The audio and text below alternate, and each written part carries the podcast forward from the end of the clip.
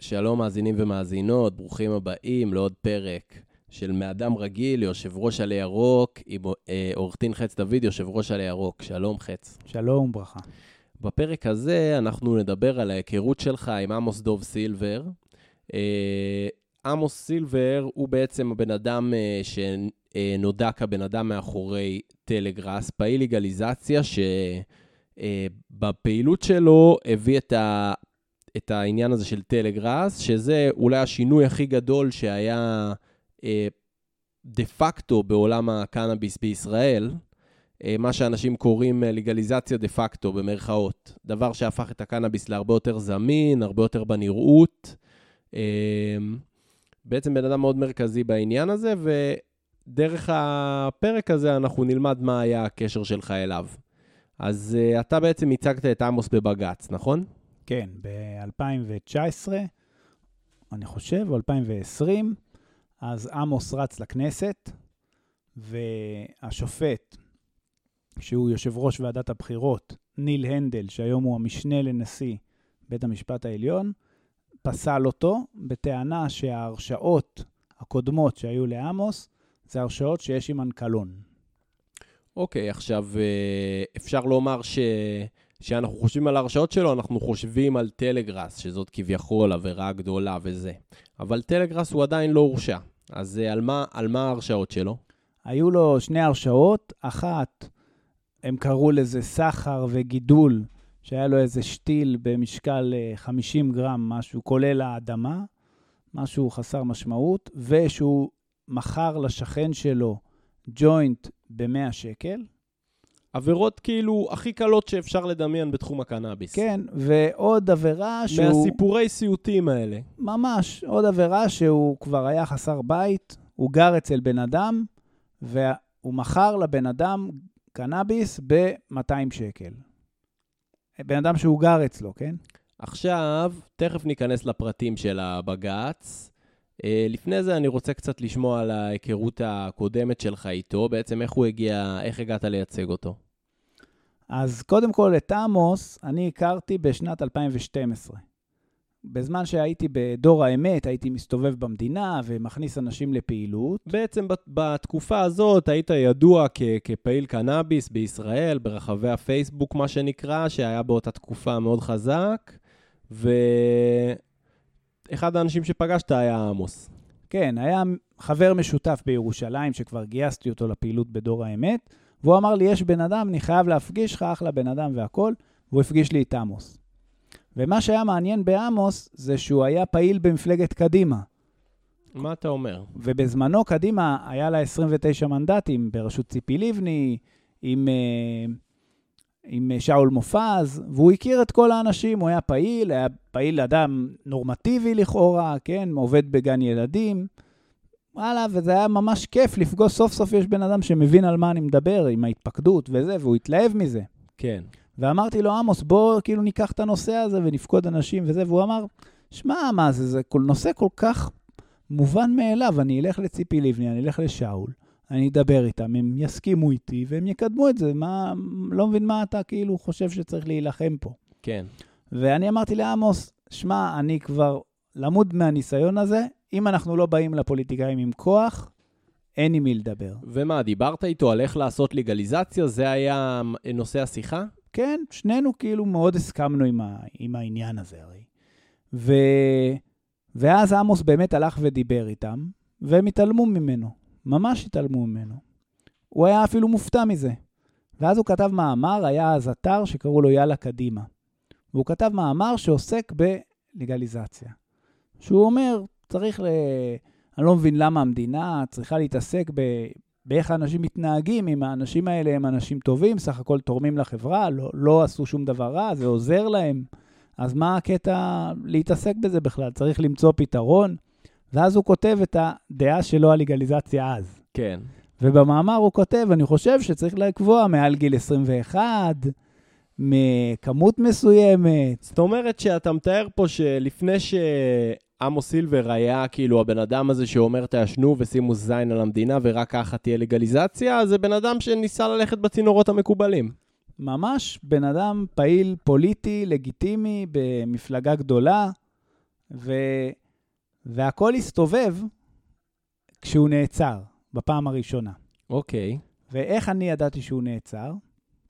בזמן המעצר מתקשר אליי אה, החבר המשותף, והוא אומר לי, שמע, עצרו אותי פה, אני אצלו בבית, והוא ממש בלחץ, והוא אומר לי מה להגיד בחקירה. שניהם נעצרו ביחד, כן, הוא בא לבקר אותו, ואז הגיעו משטרה, ואתה יעצת לחבר. ואז יעצתי לחבר, והוא אומר לי, מה עם עמוס? אמרתי לו, תגיד לעמוס גם לא להגיד כלום, שלא ישתף איתם פעולה, ועל פי ייעוץ משפטי שקיבלתי, אני מכחיש. כן. אבל עמוס מבחינתו לא מעניין אותו, כאילו, אני עושה דבר ממש בסדר, מה, מה הקטע שאתם באים אליי ועוצרים אותי רק בגלל שיש איזה חוק שהוא כתוב? מה זאת אומרת, הוא בא לשוטרים ועשה להם את מה שנקרא, מי שם אותך שופט על יצירה של אלוהים? לא, הוא, לא, הוא אפילו לא כעס עליהם. הוא, הוא, באו אנשים, הוא דיבר איתם בצורה הכי פתוחה, כן, הנה השתיל שלי, הוא לא, יש לי את זה בווידאו. וואלה. הנה השתיל שלי, השתיל הוא סבבה, תראה איזה שתיל מעפן, לא, לא יוצא מפה ממנו כלום. ואז הוא לוקחים אותו לחקירה, ובחקירה הוא אומר לש, לחוקר, החוקר אומר לו, אתה סוחר? עכשיו, אין שום הוכחות שהוא סוחר. הוא אומר לחוקר, סוחר. אני, אם מישהו מבקש, אם השכן שלי נגיד, אני מעשן אותו, הוא רוצה שאני אתן לו ג'וינט, אז מה, אני לא אתן לו? מה, הוא לא האמין שיענישו אותו? הוא חשב שבגלל שהנושא הזה הוא כל כך מובן מאליו בעיניו, והוא באמת מובן מאליו, אז אף אחד לא יעניש אותו, כי הוא יגיע לשופט, ידבר בצורה הגיונית, יהיה פתוח, יהיה גלוי, וכולם יבינו אותו וישחררו אותו פשוט, כי זה, מאוד, כי זה משהו שממש עזר לו. ו... ואפשר להבין את התמימות פה בתוך הסיפור. וזה אחד התיקים שמאוחר יותר עלו בבג"ץ? כן. אז uh, תכף נדבר עליו. אוקיי, אז uh, אחר כך הוא התחיל uh, לעשות פעילות לגליזציה, נחשפת אליו? כן, בעקבות המשפט הזה, שהוא גם כל הזמן שיתף את מה שהוא אמר שם, שזה פשוט מדהים, הוא, הוא, הוא הלך לשופט, והוא אומר לשופט, אומר לשופט, לא מבין מה, למה אני נמצא פה, זה ממש עוזר לי הקנאביס, ו- וזה ממש דבר טוב, וזה עוזר לי לחיות את חיי, להתמודד עם הבעיות, עם האתגרים שעברתי בחיים שלי. כן. והשופט אומר לו, כן, אבל זה, תראה לאן זה הביא אותך. הוא אומר, לא הקנאביס הביא אותי לפה, השוטרים הביאו אותי לפה. אבל השוטר אומר לו, השופט אומר לו, כן, אבל תראה, זה תוקע אותך פה במשפט. אז הוא אומר לשופט, לא הקנאביס תוקע אותי פה במשפט, אתה תוקע אותי פה במשפט, ואם אתה רוצה, אתה יכול לשחרר אותי, ואני ממש אעריך את זה אם תשחרר אותי. שחרר? לא שחרר, שם אותו במעצר בית כמה חודשים טובים. אז, וברגע הזה, לדעתי, קרה משהו לעמוס. אוקיי, אז, אז בוא, אני, אני אעבור בקצרה על קורותיו ונגיע לבג"ץ ונחזור לסיפור okay. שלנו. אז בעצם, אחר כך הוא הופך להיות אה, פעיל אה, קנאביס בפייסבוק, שלא רק שהוא פעיל קנאביס ומטיף לגליזציה, אלא הוא ממש מראה את העישון שלו. עכשיו, זה, זה היום נראה קצת הזוי, אבל פעם אה, ש, שבן אדם יודע שהוא מעשן ו, וידבר על זה פתוח, זה היה מאוד לא נהוג, זה היה מפחיד. חד משמעית. אם, אם היה דבר שאני מצד אחד רציתי שיקרה, אבל לא רציתי לעשות אותו בעצמי, זה שאנשים יתחילו לדבר בגלוי על כך ש... הם צורכים קנאביס, ועמוס התחיל לעשות את זה. הוא סיפר, הוא גם הראה תמונות של פרחים גדולים, והוא סיפר איך הוא מעשן, והלכתי אל ההוא, ועישנו ביחד, והיה צחוקים, והיה לנו יום כיף. וכולנו כמובן עודדנו את, ה, את הדבר הזה, כי זה היה דבר טוב, זה היה סך הכל מבחינה ציבורית, זה היה דבר נכון לעשות. ולאט לאט הוא התחיל, הוא המשיך בפעילות הזאת, ובעצם נוצרה תנועה של אנשים ש, שהולכים אחריו, וכאילו גם הם אומרים כאילו... תראו, אני מעשן ו- והכל טוב, וכאילו דר- מדברים דרך הפייסבוק, ונהייתה רשת של אנשים כאלה, עד שנהייתה אה, הפגנה, יום הבנקים הגדול. כן. ליל ו- הבנקים הגדול. ובליל הבנקים הגדול, שכבר סביב עמוס היו, הייתה קבוצה שלמה, וליל הבנקים הגדול תרמתי להם איזה אלף אה, קליפרים שמציתים, שהם יחלקו, וכל מיני דברים, וזה היה ממש אירוע יפה, ועמוס לא הגיע לאירוע. כי המשטרה עשתה לו מעצר מנע. וואו. כן, המשטרה באה, הכריזה בבית משפט שהאירוע הוא לא חוקי. עד כדי כך אה, סימנו אותו שעשו לו מעצר מנע. כן, עצרו אותו איזה שלושה ימים לפני האירוע, והוא לא הגיע לאירוע. וואו. והאירוע הזה היה באמת את כל האירוע, שאנשים הולכים ל... אתה יודע, נעצרים עשרות אנשים, כן. ועמוס אין לו בעיה עם זה, כי הוא מבחינתו, שיעצרו, כאילו, זה טוב, אנחנו, אנחנו נלחמים פה, כן, אנחנו אנשים נפגעים צבא במלחמה. ואנשים נפגעים. ואני הייתי ממש נגד שאנשים ייפגעו, כי אתה שולח אנשים להיפגע, יש להם רישומים פליליים, אתה הורס להם את החיים. אנחנו לא יודעים כאילו מתי אנחנו נצליח לנצח במלחמה הזאת. כן. וזה, וזה פגיעה קשה מדי, אני לא יכול כאילו לתת לבן אדם רישום פלילי. אוקיי, אז... ופה נהיה בינינו איזשהו דיספיוט. מחלוקת מסוימת על כמה מותר לך להקריב את הפעילים, בעיקר הילדים, החבר'ה הצעירים.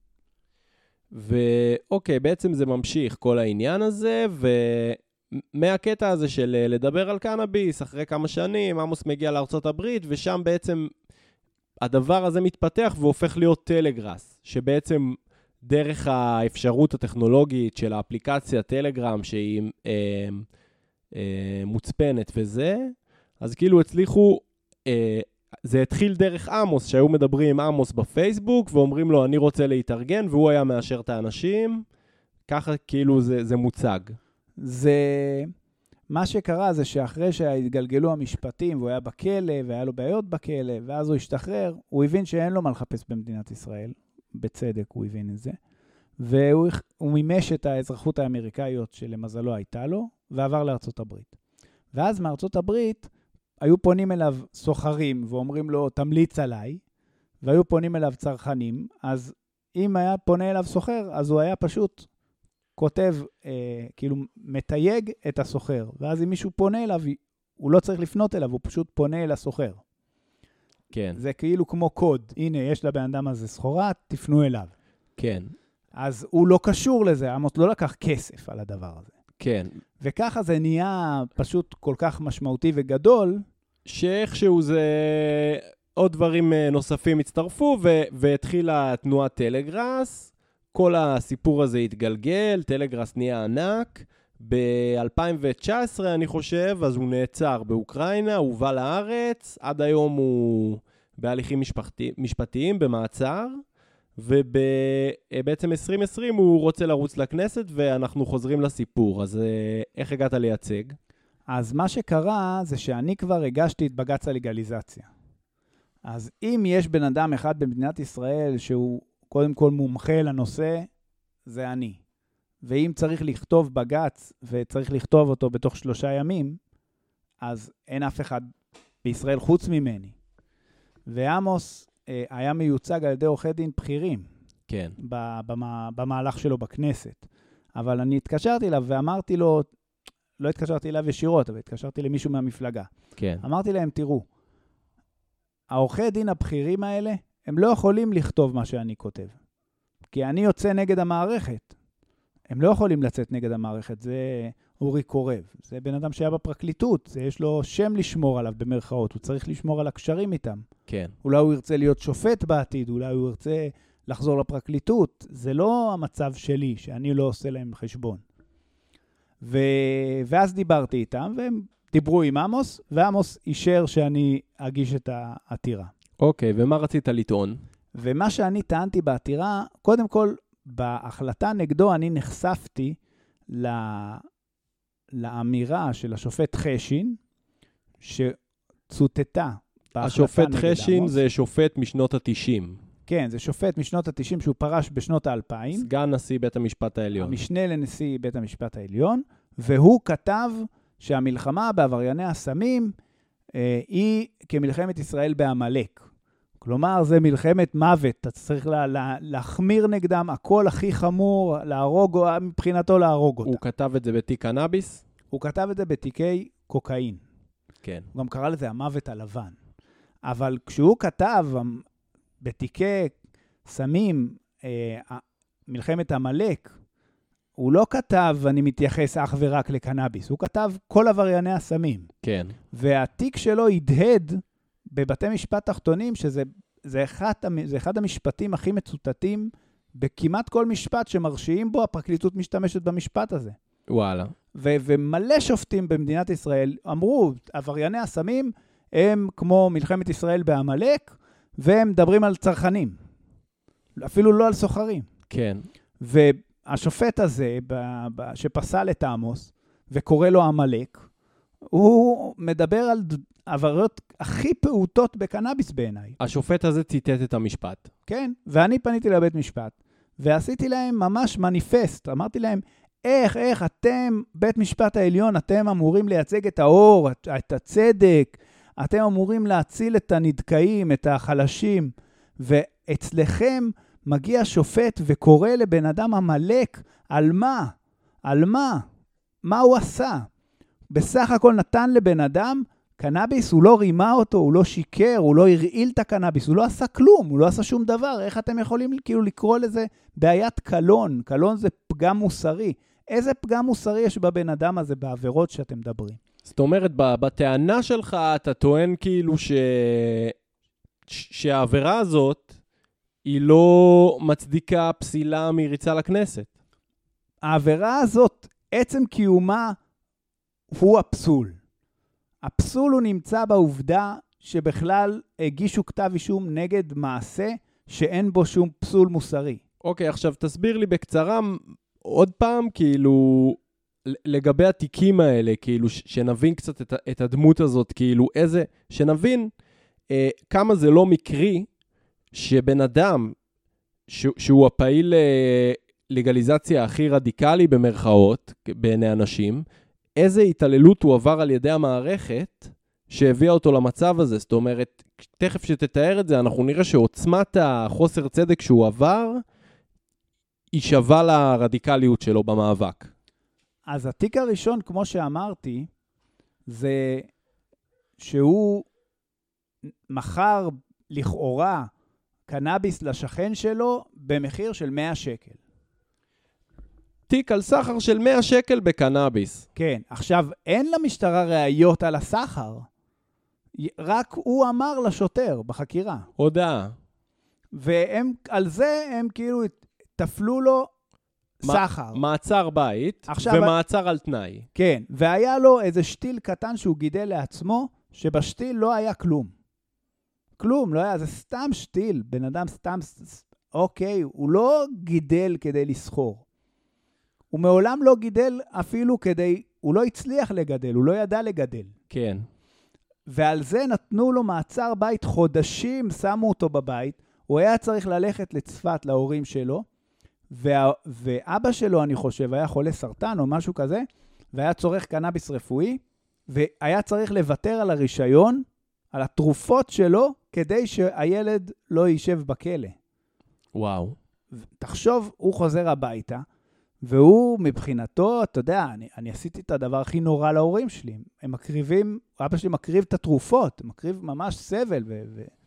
אז הוא היה ממש בדיכאון על העניין הזה. ואז שהוא חזר לעשות את ה... להסתובב בארץ, אז המשטרה שלחה לו סמויים, וכל הזמן הי- הייתה מנסה לתפור אותו, ו... ואז תפסו אותו, על מה תפסו אותו? על זה שהוא גר אצל מישהו בבית, הבן אדם הומלס, הוא לא יכול לעבוד בשום מקום, הוא גם מחכה למשפט, גם נטפלים אליו.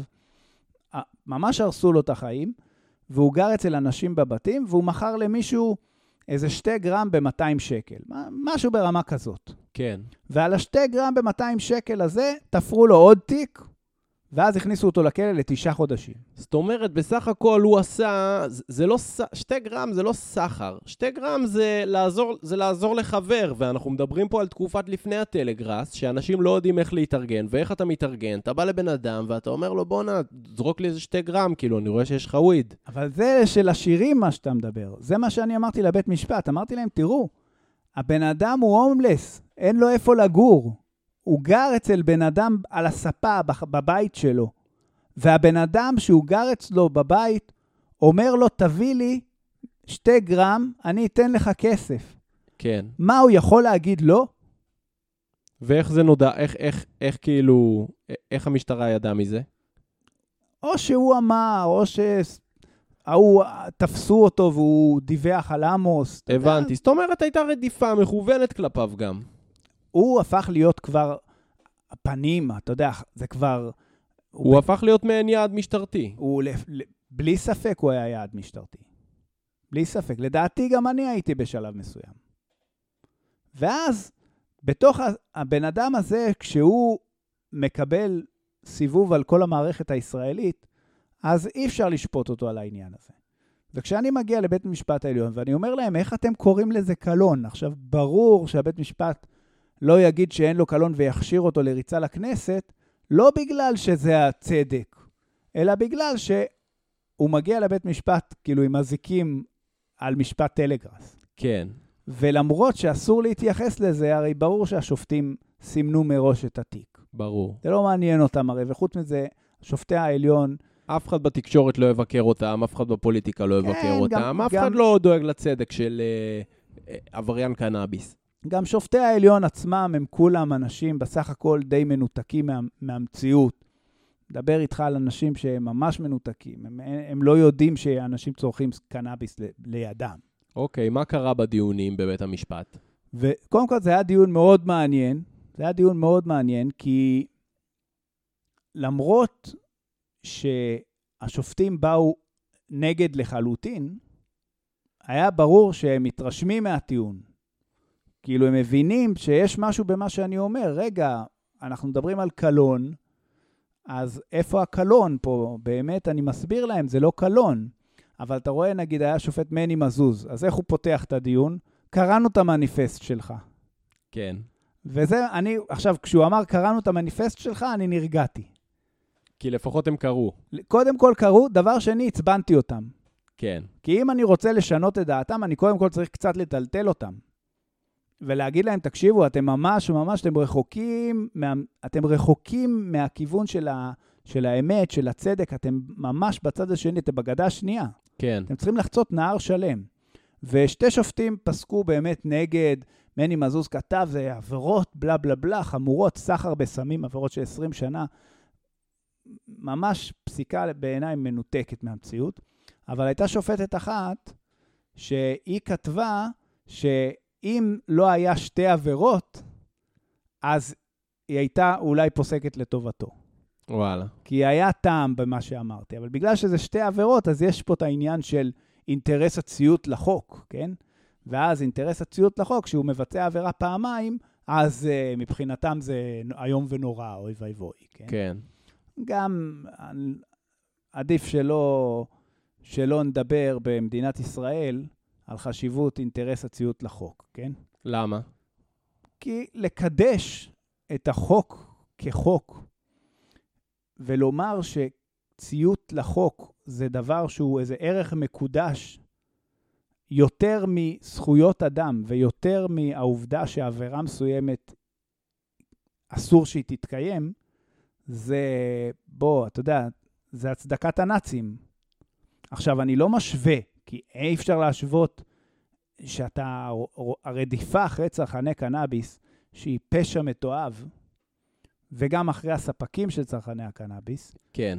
היא מעשה מכוער והיא פשע נגד האוכלוסייה ונגד התושבים. אבל זה לא רצח מאורגן. כלומר, אני לא מגזים. אבל מפה ועד להגיד שהאינטרס הציות לחוק הוא איזה דבר קדוש, והוא יותר חשוב מזכויות אדם, והוא, והוא כשלעצמו מייצר קלון, אני חושב שהשופטים ממש הגזימו פה. אבל אתה יודע, אנחנו בקרב, אין מה לעשות. אוקיי, מה זה עשה לך במשפט הזה, שבעצם נחשפת לפרטים של, אה, של סיפורו של עמוס, ובכלל של קורבן הפללה כזה? תראה, עמוס בעיניי הוא אסיר פוליטי. כי אני לא חושב שהחלק שלו בטלגראס הוא כל כך גדול כמו שעושים ממנו. אני חושב שהחלק שלו בטלגראס הוא, הוא כמו החלק של אה, בר רפאלי בחנות משקפיים אה, שהיא בעלים, של 10 או 15 אחוז מהחנות משקפיים. כן. היא, היא הדוגמנית, ואותה שמים בפרונט, אבל מי שמפעיל את כל המערכת זה אנשים אחרים. כן. ועמוס, אפילו אני חושב שהוא לא... נ- מה זה אני חושב? זה, זה, זה, זה הטענה המשטרתית גם, שהכסף לא אצלו. הכסף אצל מישהו אחר, והמישהו עם הכסף, לא הוגש נגדו כתב אישום, ולכאורה לא יודעים מי הוא. כן. עכשיו, מה זאת אומרת לא יודעים מי הוא? אתה מדבר איתי להב 433, לא יודעת מי זה הבן אדם?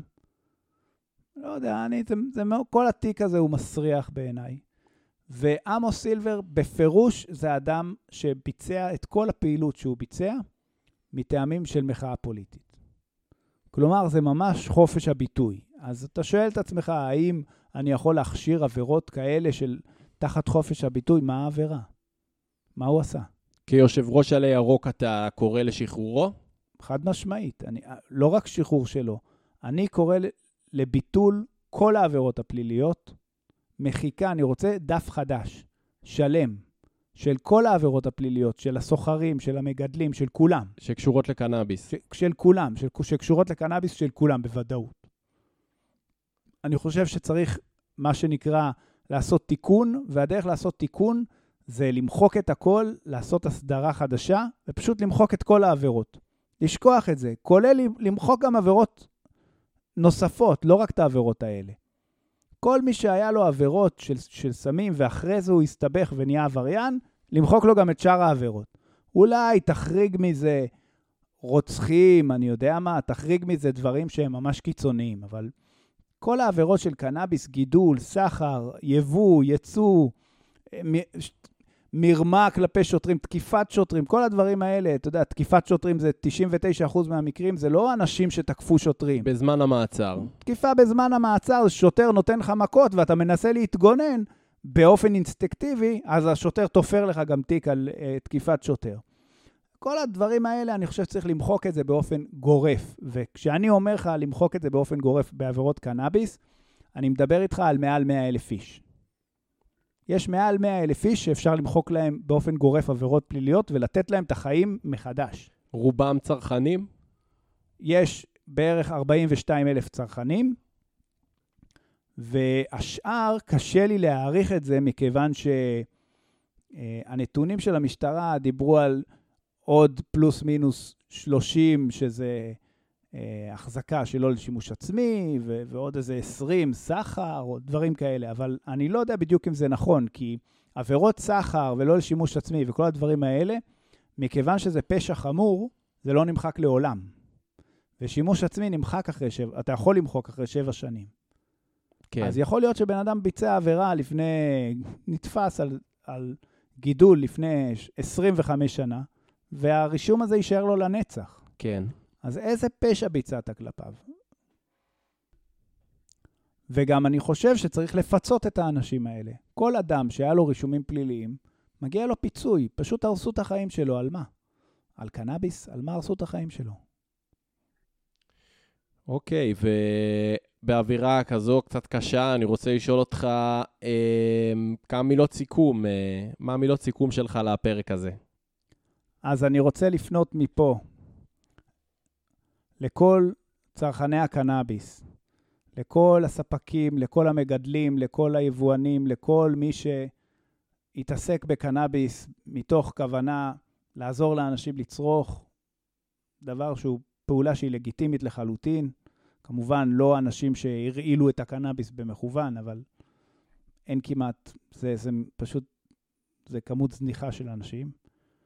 ולומר לאנשים האלה, בשמי ובשם כל אדם במדינת ישראל ובעולם שיש לו היגיון בריא ודרך ארץ, קודם כל סליחה וגם תודה. אני אומר את זה לעמוס סילבר, לאנשים בטלגראס, לאנשים במחתרת, לאנשים בכל הרשתות האלה, לבדואים בדרום, שגם סובלים, לא רק שהם סובלים מההפללה ומהאפליה, הם סובלים גם מגזענות, ועל הרקע הזה מסיתים נגדם ואומרים, הבדואים המרושעים, למרות שהם אנשים שבסך הכל ממש עוזרים לנו לצרוך קנאביס, אני מודה להם. לכל האנשים שקשורים בסחר, לכל האנשים שפרצו את הגבולות, בין אם זה יהודי, מוסלמי, דרוזי או וואטאבר. אני מקווה שיגיע היום שהאנשים האלה יקבלו את הפיצוי הראוי, את ההערכה שמגיעה להם, ושיבואו ימים טובים. תודה חץ, תודה למאזינים. תודה רבה.